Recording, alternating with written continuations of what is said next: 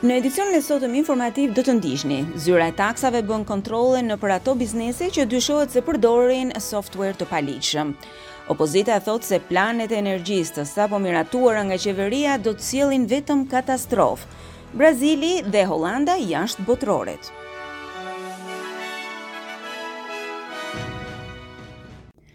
Policia dhe Zyra Australiane e Taksave kanë kontrolluar 35 biznese në 5 shtete të ndryshme australiane, kjo si pjesë e një operacioni ndërkombëtar.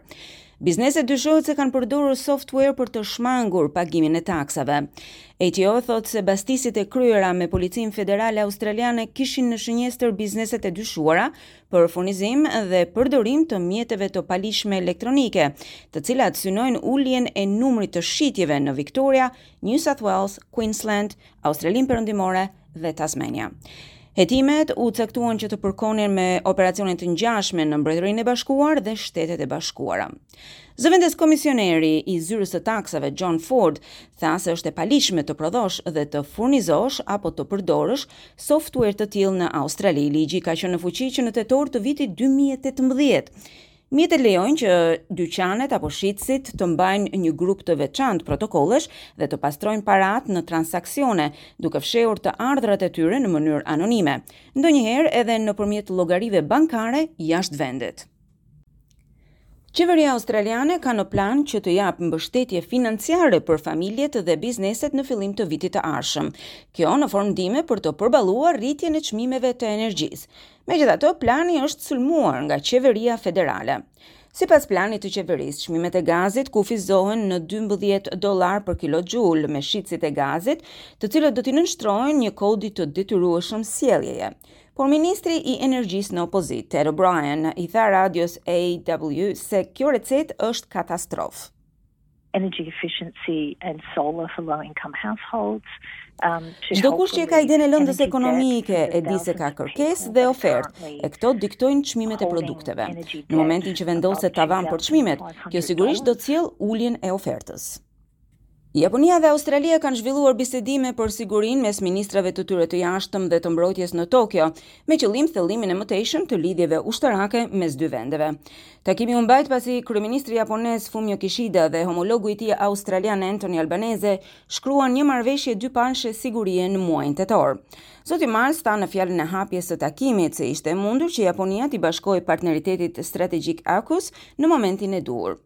Për të kundërshtuar kërcënimet në rritje nga Kina dhe Koreja e Veriut, Japonia ka zgjeruar partneritetin e saj të mbrojtjes me vendet në Indo-Paqësor, duke përfshirë këtu Australinë, vendet e Azisë Juglindore si dhe Europës. Operatori i dy kazinove në Queensland është gjobitur me njëqind milionë dollarë pas asaj që përshkruhet si shkelje masive. Prokurorja e Përgjithshme Shannon Fentiman bëri njoftimin dhe tha se kazinoja Star nuk është operacion i përshtatshëm për të mbajtur një licencë kazinoje. Një rishikim i pavarur nga ish-gjyqtari i Gjykatës së Apelit Robert Gotterson zbuloi se Star kishte inkurajuar në mënyrë aktive që të luanin kumar ata klientë të cilët ishin të ndaluar të hynin në kazino të tjera. Kazinoja gjithashtu nuk ka respektuar rregullat mbrojtëse kundër pastrimit të parave. Star ka humbur licencën për të operuar për 3 muaj, vendimi i shtyrë deri në dhjetorin e ardhshëm. Zonja Fentiman tha se ka dymbëdhjetë muaj për të bërë ndryshime. Sjellje të paligjshme dhe kriminale nuk do të lejohen nëpër kazinot tona, tha ajo. Salvation Army thotë se gjithnjë e më shumë familje po përballen me një periudhë të vështirë gjatë Krishtlindjeve për shkak të rritjes së kostos së jetesës. Një sondazh i kryer zbuloi se shtatëdhjetë e shtatë për qind e pjesëmarrësve ishin të shqetësuar për kostot në rritje, pas tetë rritjeve të mëparshme të normave të interesit këtë vit.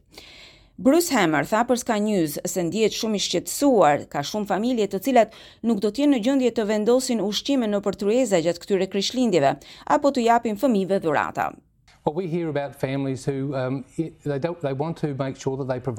Kemi të dhëna se ka familje të cilat nuk janë në gjendje që të sigurojnë ushqim për fëmijët e tyre. Le të imagjinoni nëna e baballarë të cilët duan të kujdesen për fëmijët e duan që t'i japin atyre një Krishtlindje sa më të bukur. E megjithatë, nuk janë në gjendje të përballojnë ushqimet. e lëre më pas dhuratat nën pemë. Jemi me të vërtetë mirënjohës që jemi në një pozicion që mund të jemi në gjendje t'i ndihmojmë ata me më shumë dhurata apo fonde. Kryeministri i Britanisë është i bindur se nuk do t'i dorëzohet kërkesave të punëtorëve grevistë përballë rritjes masive të kostos së jetesës dhe inflacionit. Mbretëria e Bashkuar po pret valën e saj më të madhe të grevave në 3 dekada, Greva të planifikuara nga infermierët, punëtorët hekurudhorë, stafi i forcave kufitare, posta e të tjera. Inflacioni ka arritur në nivelin më të lartë në më shumë se 40 vite. E miliona njerëzve u duhet të zgjedhin mes ushqimit të mjaftueshëm, ngrohjes përballë dimrit të fortë. Sindikata thotë se anëtarët e tyre kanë nevojë për paga më të larta, në mënyrë që të rrisin ekonominë. Por kryeministri Rishi Sunak shprehet ndryshe.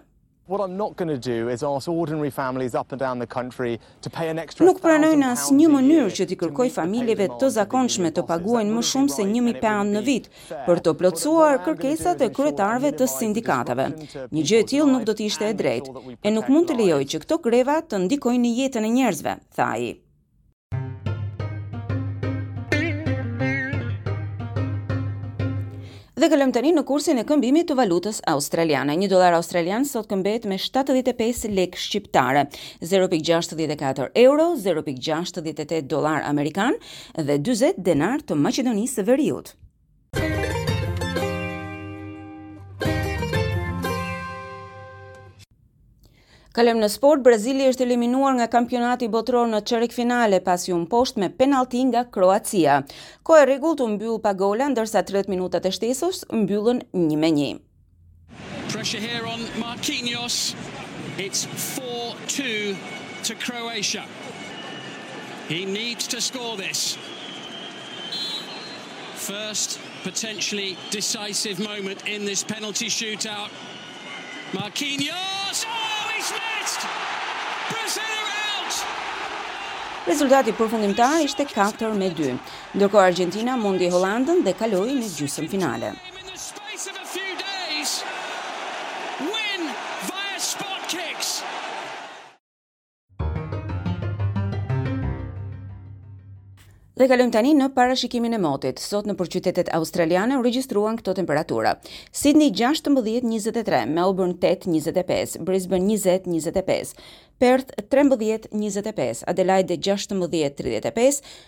Canberra pesë njëzet e tre, Hobart nëntë nëntëmbëdhjetë dhe Darwin njëzet e shtatë tridhjetë e pesë gradë Celsius.